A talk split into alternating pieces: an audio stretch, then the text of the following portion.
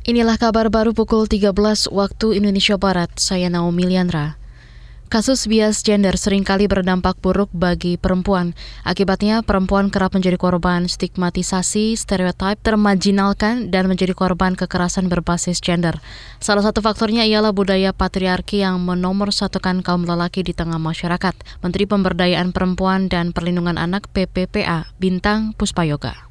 Apalagi di tengah pandemi COVID-19 yang membuat posisi perempuan semakin rentan. Hal-hal inilah yang menghambat perempuan untuk bisa memaksimalkan kemampuan diri mereka. Posisi perempuan masih belum setara untuk terlibat dalam penentuan kebijakan pembangunan, keterlibatan dalam ranah publik, sulit mendapatkan akses finansial, dan tidak sepenuhnya dianggap sebagai penerima manfaat pembangunan.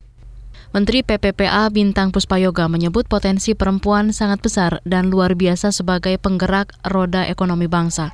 Secara jumlah separuh dari populasi di Indonesia adalah perempuan. Selain itu, perempuan juga menjadi pelaku UMKM terbanyak. Dari total 65 jutaan pelaku UMKM, 32 juta di antaranya dimiliki dan dikelola perempuan. Neraca perdagangan Indonesia pada Juni lalu surplus lebih dari 5 miliar dolar Amerika atau setara 76 triliun rupiah. Dengan ini tercatat Indonesia berhasil surplus neraca perdagangan selama 25 bulan berturut-turut. Kepala Badan Pusat Statistik BPS Margo Yuwono mengatakan sektor non-migas surplus 7,23 miliar dolar Amerika atau 108 triliun. Namun sektor migas defisit 2,14 miliar dolar Amerika atau 32 triliun.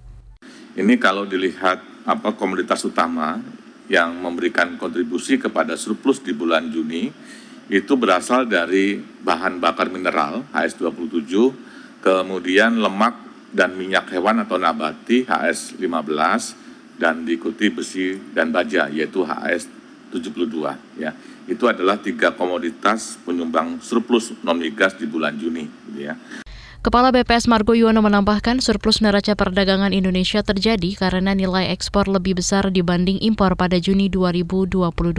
Selama semester pertama tahun ini secara kumulatif surplus ekspor dan impor Indonesia tumbuh cukup impresif, yakni lebih dari 24 miliar dolar Amerika atau 370-an triliun rupiah atau naik 110 persen lebih dibandingkan semester pertama tahun lalu. Kementerian Agama meminta maaf kepada seluruh jemaah haji jika layanan yang diberikan selama di Tanah Suci tidak sesuai harapan. Pernyataan itu disampaikan Wakil Menteri Agama Zainud Tauhid Saadi saat melepas jemaah haji kloter pertama yang akan pulang ke tanah air dari Mekah ke Bandara King Abdul Aziz, Jeddah. Penerbangan mereka dijadwalkan pukul 5 pagi waktu Arab Saudi atau pukul 9 pagi waktu Indonesia Barat. Jumlah jemaah haji kloter pertama yang pulang ke Indonesia sebanyak 360 orang asal embarkasi Solo. Dua hari sebelum hari H penerbangan, setiap koper jemaah haji yang akan pulang ke tanah air sudah ditimbang dan diperiksa dengan sinar X oleh petugas. Demikian kabar baru KBR, saya Naomi Liandra.